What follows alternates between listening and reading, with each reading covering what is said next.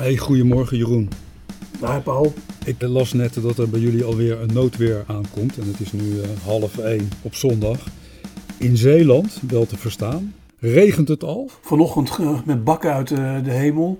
Wij hebben een vijver achterin de tuin op de dijk. En daar is toch minstens 2 centimeter water bij gevallen. Voor de rest kijk ik uit het raam en zie ik hele hoge populieren zwiepend in de wind. Zo'n mooi Dan gezicht. gaat het dus wel goed met jouw vissen. Ja. ja, ze waaien er nog net niet uit. Wat ik wel heel triest vind, hè? ik was gisteren even tussen de buien door naar een terrasje gereden. Hoe is dat in Zeeland? Zijn de terrasjes daar leeg of vol? Nou, we hebben hier eh, voor de luisteraars buiten de provincie de visserijfeesten van Breskens. Nou is er bijna geen visserij meer in Breskens, maar de feesten zijn er elk jaar in augustus. Er wordt een enorme kermis neergezet op het Spuitplein. En over spuien gesproken en waterzondvloeden hier. Ehm, daar hadden ze al wel rekening mee gehouden, want de, de terrassen, dat zijn er ruimschoots veel, waren voorzien van van die witte partytenten voor de extra stoelen en tafels. Dus ze hielden er rekening mee. Ik heb wel medelijden met de mensen die hier de horeca drijven. De Achterhoek is natuurlijk ook een toeristisch oord. Maar ja, de mensen hebben natuurlijk een hele zware winter gehad met zeer hoge stookkosten. En nu hebben ze een zo'n verregende zomer. Personeelstekort, hè, dat ook hogere kosten met zich meebrengt. Ik vind het heel en heel triest. Ik wou daarom even een oproep doen aan iedereen. Om de slogan vier vakantie in eigen land te veranderen. Vier vakantie in eigen café. Ja, ja. En dan hoef je ook niet eens bang te zijn dat er modderstromen over de kaden van de oevers heen gulpen, zoals in Slovenië. Want het kan natuurlijk, kan natuurlijk nog altijd erger. Slovenië, Georgië, Oostenrijk, Noord-Italië. Man, man. Het klimaat, Paul, het klimaat. Alleen moet je steeds, heb ik geleerd, voorzichtig zijn om alles maar op het konto van de klimaatverandering te schuiven. Dat is niet bij wijze van ontkenning van die klimaatverandering, want die vindt plaats. Maar het is natuurlijk wel eh, extra heftig. Weer is nog steeds een van de weinige dingen die we niet goed kunnen voorspellen. Weer, ja, het gaat hier over weer en niet over klimaat natuurlijk. En we kunnen het ook niet beheersen. Hebben we het vaker over gehad in onze hakketakken. Ze willen dat wel, want er zijn best wel plannen voor. Hè? Dat zag je toen bij Olympische Spelen. Er werd sneeuw opgespoten. Er werden wolken bestreken met volgens mij zilvernitraat of iets dergelijks. En dan ging het opeens regenen. Dat is wel griezelig.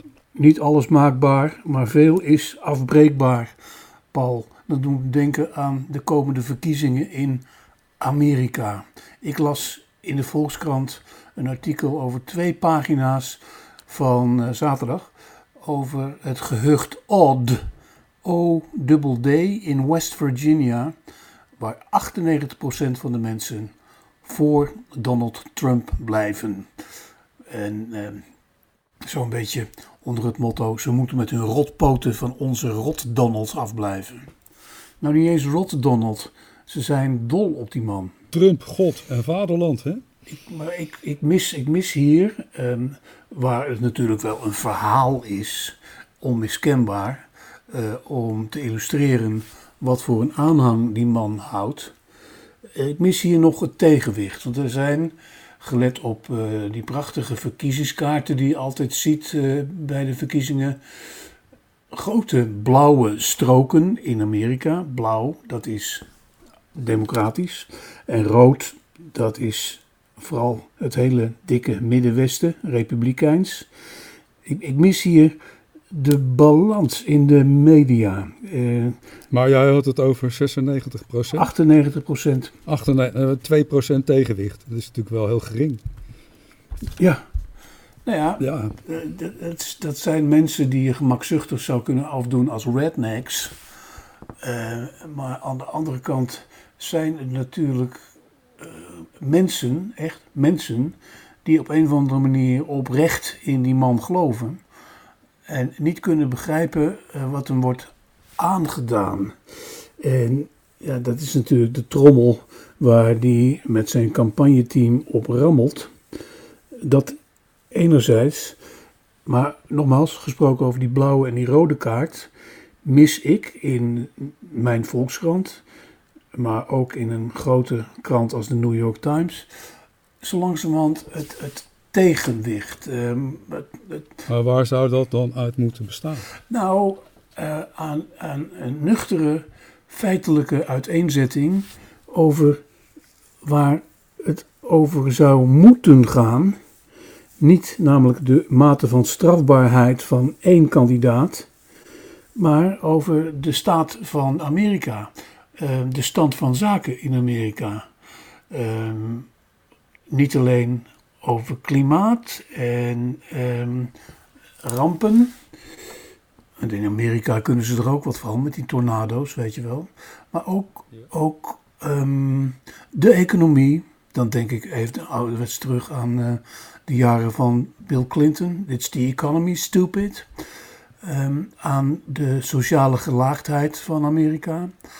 Aan de gender kwesties. Um, aan het beteugelen, heel moeizame beteugelen van racisme. Uh, ik denk dat, zijn, dat het dat toch de essentiële issues zijn. En Ja, maar nou kijk je toch, denk ik, met een ethische, West-Europese blik. Uh, ja. Is het niet juist uh, goed van een krant dat hij laat zien wat er in Amerika aan de hand is? Dat je zegt dat 98% van de mensen is voor Trump. Wat er ook gebeurt. In gehucht. Trump zei het ook zelf, hè? dat is al heel lang geleden, ergens in zijn eerste verkiezingscampagne. Als ik iemand neerschiet, al is het midden in het centrum, ik kom ermee weg. Ja. En ik denk dat de mensen inmiddels murf zijn van al die aantijgingen en denken het zal mijn tijd wel duren. Trump is mijn held en blijft mijn held. Ja. Een man die zichzelf boven de wet stelt en dat, dat wordt door de mensen dan ook erkend. En wat ik wel eens denk, wij kijken met een West-Europese blik. En die blik wordt natuurlijk wel ingekleurd door decennia lang sociaal beleid. Wij hebben inmiddels grote verworvenheden. Daar moet je dus ook niet aankomen. Dat zie je in Italië met Meloni. Als die nu komt aan uitkeringen, dan wordt iedereen boos. Terwijl in Amerika wordt dat als het kwaad voorgesteld door de, de Republikeinen. Het is een heel andere samenleving. Precies, maar daar zeg je het, hè? Precies, daar zeg je het. Maar daar zeg je het juist, het kwaad door de Republikeinen. En dat kwaad wordt in de media, uh, ook door de New York Times, naar mijn smaak uh, heel erg uitvergroot. Uh, namelijk als de alles overheersende realiteit. Het is natuurlijk een soort van journalistieke plicht om deze toestand aan te kaarten. En um, andermaal aan te kaarten als er weer een nieuwe uh, verdenking tegen Trump wordt geuit. Ik heb naar CNN zitten kijken de, afgelopen week en dan kijk je niet in de rechtszaal, hoor je verslaggevers wat er in die rechtszaal gebeurt. En vervolgens duurt, komt er een half uur of langer durende rechtstreekse reportage van de stoet van auto's met Trump erin. Uh, zijn vliegtuig dat klaar staat. En Trump zelf, die onder een grote Trump-paraplu uh, nog even staat te blazen dat hij uh, in Washington een en al verval heeft aanschouwd. Al die graffiti op de muren snauwt hij nog voordat hij de trap opgaat. kortom, wat is er zonder mij allemaal fout gegaan in, Ameri in Amerika? Nou, dat, dat, dat, dat, dat, is zo'n element, hè waar uh, die meteen alweer uh, de plank vreselijk mislaat, maar wel weer zijn electoraat bedient. Want uh, Biden heeft juist het nodige in gang gezet met het programma van meer dan 2000 miljard dollar ter verbetering van de Amerikaanse infrastructuur. Ja, geld wat er niet was trouwens. Hè? Je ziet nu dat Amerika zijn AAA-rating is aan het kwijtraken. Dus dat het niet meer een echt betrouwbaar financieel land zou zijn. Met gevolgen voor de, de beurzen, et cetera. Maar het is allemaal geld wat, wat er niet is. Schuld, schuldgeld. En daar maken mensen zich ook zorgen over. Want die zeggen, waarom gaat dat geld daar allemaal naartoe? Terwijl ik nog steeds moet sappelen om rond te komen. Natuurlijk. Alleen, en ik heb het zelf uh, meerdere keren aanschouwd, het is hoogst noodzakelijk dat er wat gebeurt aan Amerika. Ja, natuurlijk. Het is ook door de Republikeinen mede mogelijk gemaakt. De Republikeinen hebben ook voor deze wet. Uh, het is allemaal, het is een, dat, dat is nou het enige wat ongeveer de, de, de verschillende partijen ook echt verbindt en, ver, en, en wat overeenkomen. Namelijk de behoefte en de onmiskenbare en uh, urgente wens om veilig van A naar B te gaan in Amerika. Een land dat gaat over permanente verplaatsing. En ja, weet je, economisch malheur is daar ook zo heel duidelijk zichtbaar. Ik, ik ben in 1992 bijvoorbeeld in Motown geweest. De town van de soul, de stad van de soul, maar ook van de auto-industrie. Volkomen ingestort. Eh, dus daar stonden hele buitenwijken vol met dichtgetimmerde gebouwen. Uh, het, het, is, het is zo manifest zichtbaar. En dan heb ik het over Detroit, is in het noorden van de Verenigde Staten. In het zuiden, Alabama, Mississippi, is het één groot derde wereldland. Uh, gehuchten met campers op uh, houten blokken. Wielen zijn verdwenen. Grote caravans op houten blokken. Daar wonen de mensen in. Dat is een beeld van 1992. Hè? Ik ben er 16 jaar later nog eens terug geweest. Was heel weinig veranderd. Ondertussen lees je over bruggen die instorten door uh, zwaar achterstallig onderhoud.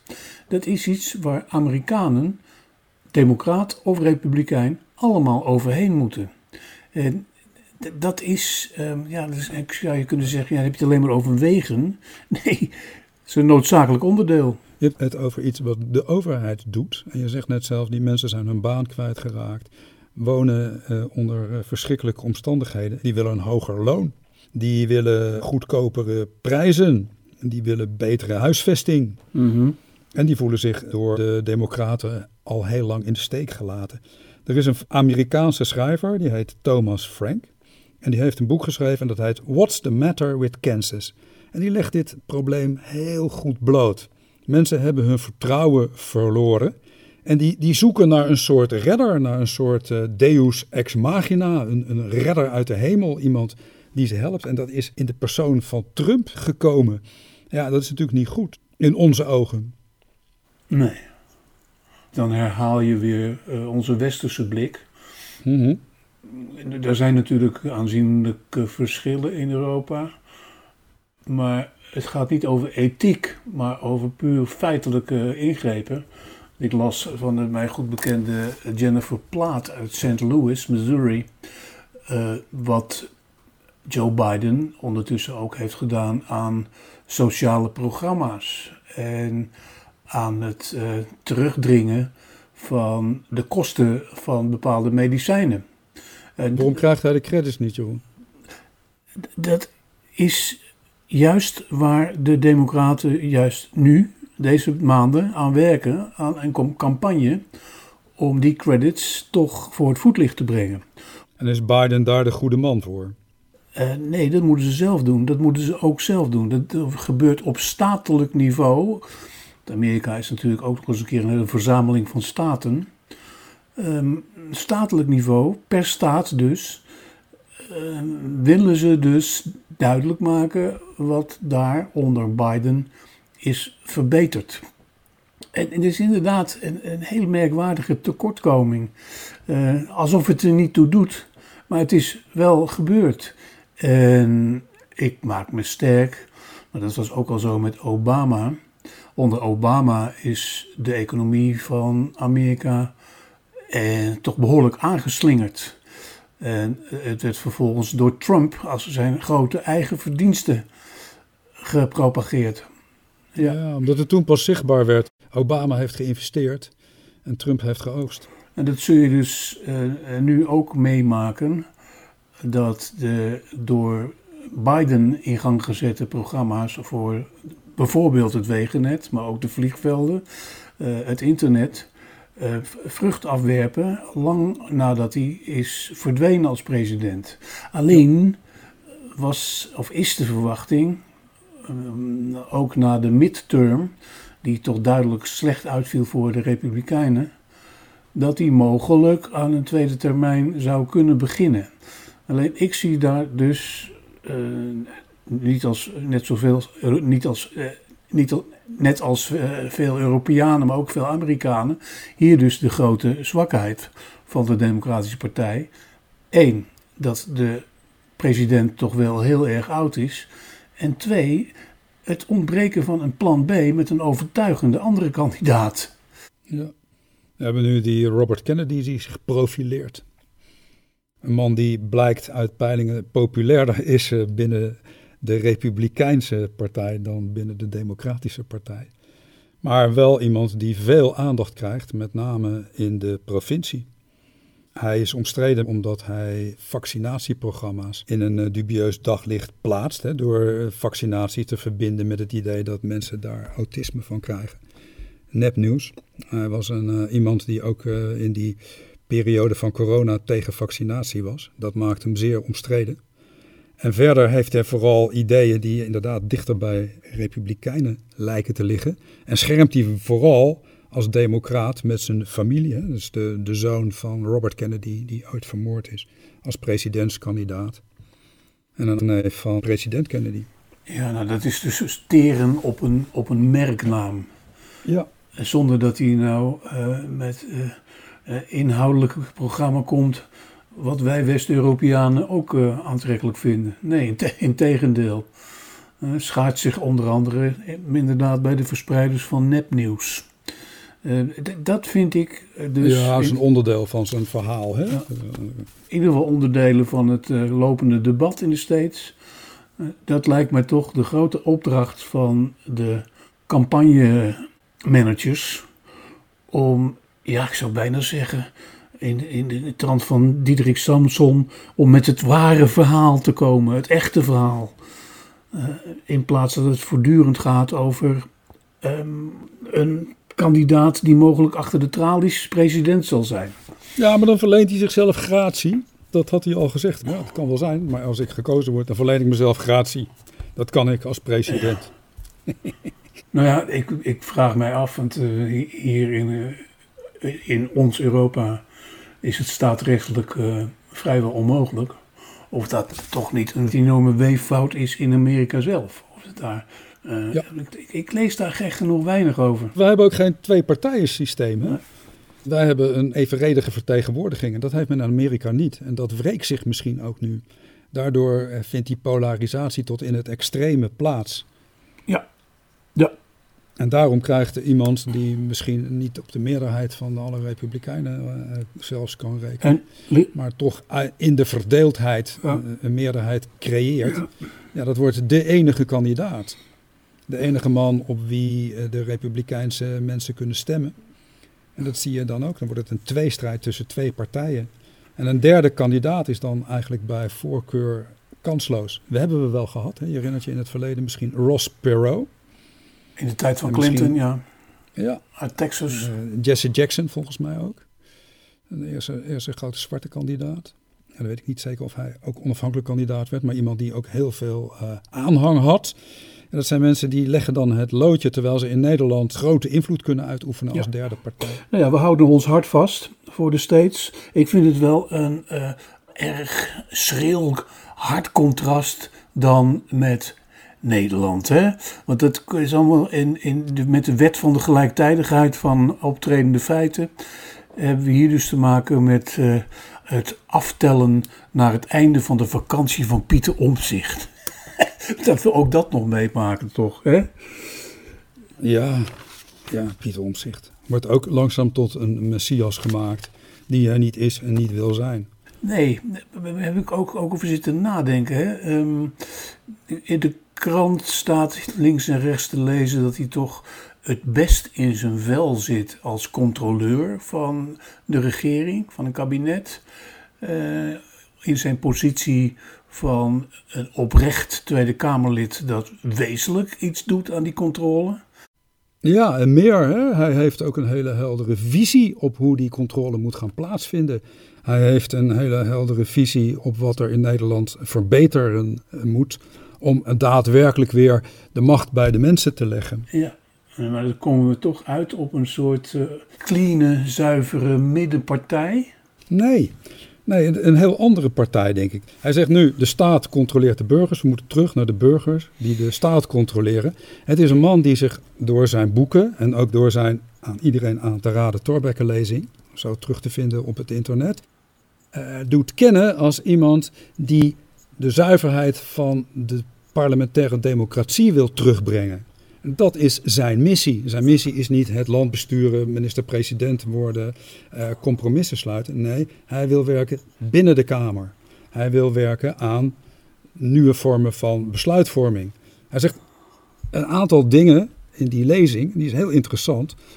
Eerst, de besluitvorming vindt nu plaats op oneigenlijke plekken. Katshuisoverleg, lobbyisten, die besluitvorming die moet veel opener zijn, veel beter uitgediscussieerd. Die moet terug naar waar die hoort. En dat is in de Tweede Kamer en in het overleg binnen de regering. Dus hè, waar de, de minister-president voorzitter is van dat overleg, daar hoort alles geregeld te worden. En dat moet verantwoord worden in de Tweede Kamer. Ten tweede, het budgetrecht. De regering geeft nu aan allerlei dingen geld uit. En dat wordt dan steeds verklaard. Ja, we hebben nood, noodgeval. Noodgeval klimaat. Noodgeval dit. Noodgeval corona.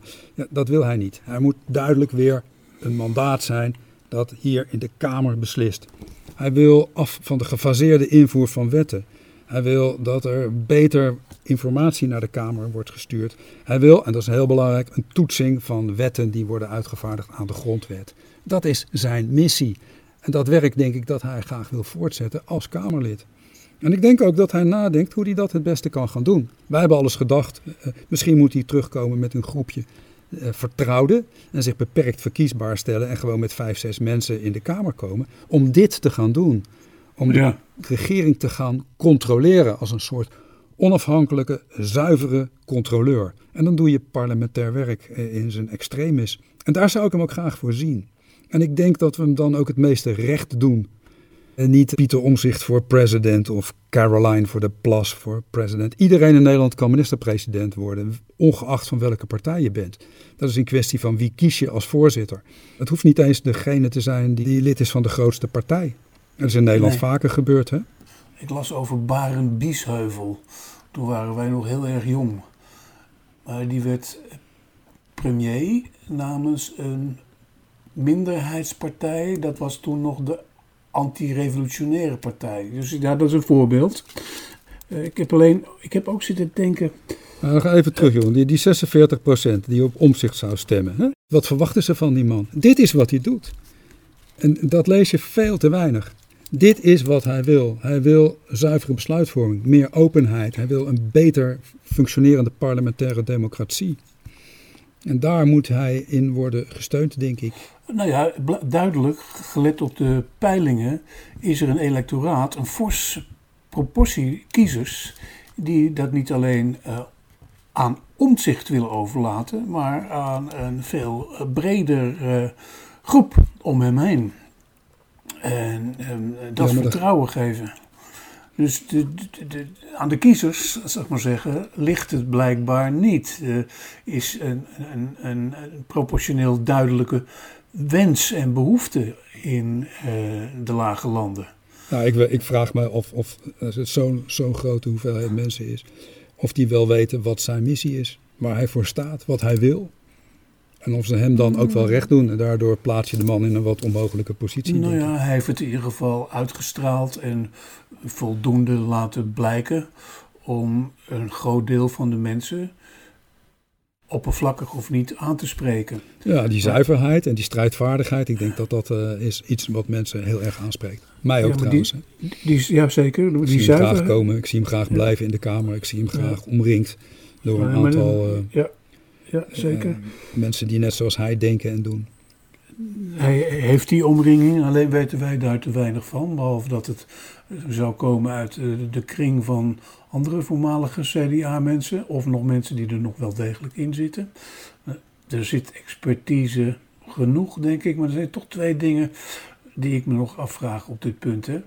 A, als het gaat over zuiverheid, zit ik wel eens te denken dat Omtzigt ook geen premier wil worden, omdat hij weet dat hij vuile handen moet maken, hier en daar. Zoals Rutte pas geleden met het dubieuze Tunesië-akkoord. Ja, ja, ja, ja, ja, maar dat is, is onderdeel van de parlementaire democratie, dat je compromissen sluit. En daar waar Omzicht een man is die vindt dat de burger de staat moet controleren, zal hij ook iemand zijn die donders goed beseft dat er in het parlement, maar zeker in de regering, compromissen moeten worden gesloten. Alleen die compromissen die moeten open op tafel liggen, die moeten openlijk verdedigd worden. Daar moeten de, uh, de goede en de slechte kanten worden beoordeeld. Daar heeft het parlementair debat veel meer zin dan in het verleden. Dat wil hij. Kijk, nu heb je regeerakkoorden en het gaat eigenlijk zo onder tafel, wordt alles maar goedgekeurd. En de, de ins en outs die worden niet duidelijk beslist. Eh, bijvoorbeeld het pensioenstelsel, het nieuwe pensioenstelsel. Dan zie je dat ineens een heel belangrijk argument wordt. Ja, we praten er al 15 jaar over. Laten we het maar doen. Ja, dat is kul natuurlijk. Als iets deugt, dan deugt het. Als iets niet deugt, dan deugt het niet. En de uitvoerbaarheid, die moet goed getoetst worden. Daar kom je dus bij iets wat dan omzicht zegt. Gefaseerde invoer van wetten. Dat pensioenstelsel dat wordt nu eerst een stukje ingevoerd. En dan gaan we eens eerst eens kijken of het allemaal wel kan. Ja, dat is natuurlijk niet goed. Je kunt niet meer terug. Nou, dat zijn dingen die hij belangrijk vindt. Ja, zeker. Alleen, en dan kom ik op mijn tweede punt. Ehm, we hebben hier ook te maken met een mens. Hè? Een mens waar gebleken is dat uh, menig parlementariër het na deze fase wel voor gezien houdt. We hebben het eerder al over gehad uh, hoe goed het is dat bepaalde Kamerleden ook blijven. Um, hier gaat het mij ook om de puur persoonlijke vermogens van een man als Onzicht, die natuurlijk een waarschuwing van je welste heeft gehad met die burn-out die onder andere te maken had met zijn uh, conflict met het CDA. En of die um, voldoende hersteld is, uh, voldoende bij zichzelf te raden is gegaan, of die het menselijk gezien nog kan dragen. Dat heeft natuurlijk ook te maken met wat er van hem wordt verwacht. Ja, zeker, zeker. Maar op dat punt denk ik ook dat het goed is dat hij een bredere omringing krijgt, een bredere ondersteuning. En dat hij uh, meer uh, armslag krijgt, dus budget voor uh, parlementaire assistentie. Ja, nou, ik denk dat hij met vijf mensen genoeg heeft om zijn visie openlijk over te brengen. En als hij dan ook de juiste aandacht krijgt. En de juiste hoeveelheid spreektijd, dan kan hij heel veel doen hoor, als parlementariër. Ja. Nog twee weken, Paul, en dan weten we het. Ja, Um, heb, je, heb je gelezen waar hij op vakantie is? Ik niet. Friesland, Jeroen. Heb je boek gelezen? Oké, natuurlijk. Goed. Uh, deze week nog meer prominenten vertrokken. Hè? Mona Keizer heeft uh, het CDA verlaten. Ja. En bij Ja 21, uh, Pauw Verwij en Epping, daar is nog maar één, één iemand over. Dus die partij is eigenlijk ook op stervende dood. Partij van de Arbeid. Nou, binnen de Partij van de Arbeid, Lutz Jacobi, die aankondigt te vertrekken uit het bestuur. Ja. Die zich niet kan vinden in de samenwerking en de manier waarop deze nu plaatsvindt. En zij is de enige niet uit Friesland. Dat, uh, zij is de enige niet, hè? Nee. Andere Partij van de Arbeid, man. Henk Nijboer? Ja. Ook Spekman die zich tegenkeert. En ze zeggen wij missen die oude sociaal-democratische ideeën. En ik ben heel benieuwd hoe dat dus gaat. Want we hebben nog steeds niet een heel helder idee van hoe het moet gaan. Nee, maar er zijn onmiskenbare barsten in Verenigd Links. Daar zullen ze nog veel mee te stellen krijgen in de campagne. Um, even tot besluit. Jij had nog een punt over China. En ik had een uh, tijd geleden een stukje geschreven over de belangen van China bij Siberië.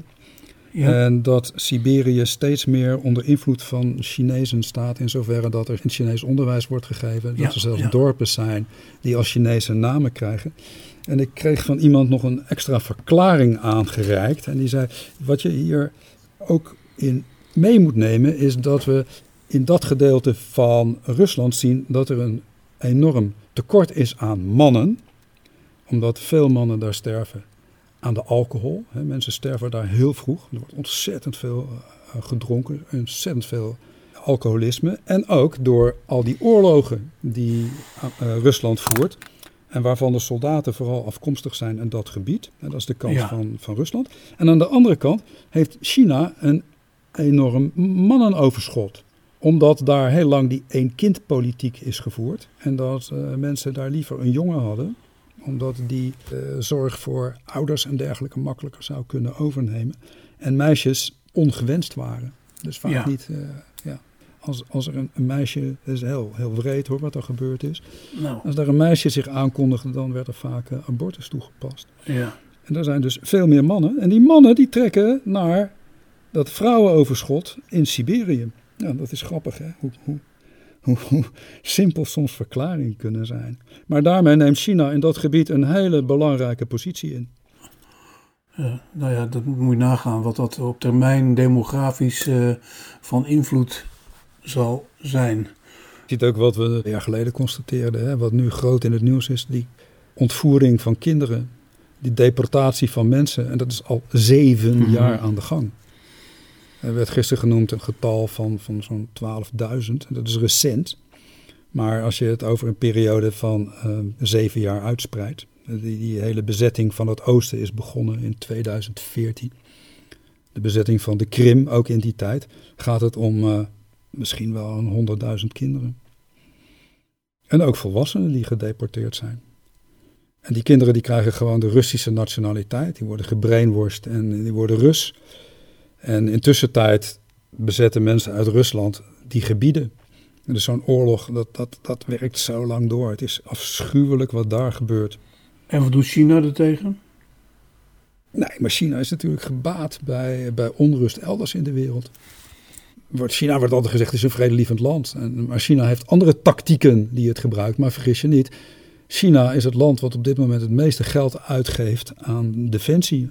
Ja, defensie, aan wapens aan het leger en een enorm leger aan het opbouwen. En verovert ondertussen langzaam de halve wereld met overal zaken en ondernemingen. Ja, precies. Tot en met het uh, zeer onrustige Afrika aan toe. Waar Rusland natuurlijk ook een belangrijke plek aan het innemen is. Nog via die ja. Wagner-troepen. Zeker. Ja, Jeroen, we gaan nog een uh, spannende tijd tegemoet. Ah, kunnen we volgende week weer eens over verder praten. Goed. Hoi. Ik wens Pieter Omtzigt nog een fijne vakantie. Ja, ja, ja ik ook. Hoi. Hoi.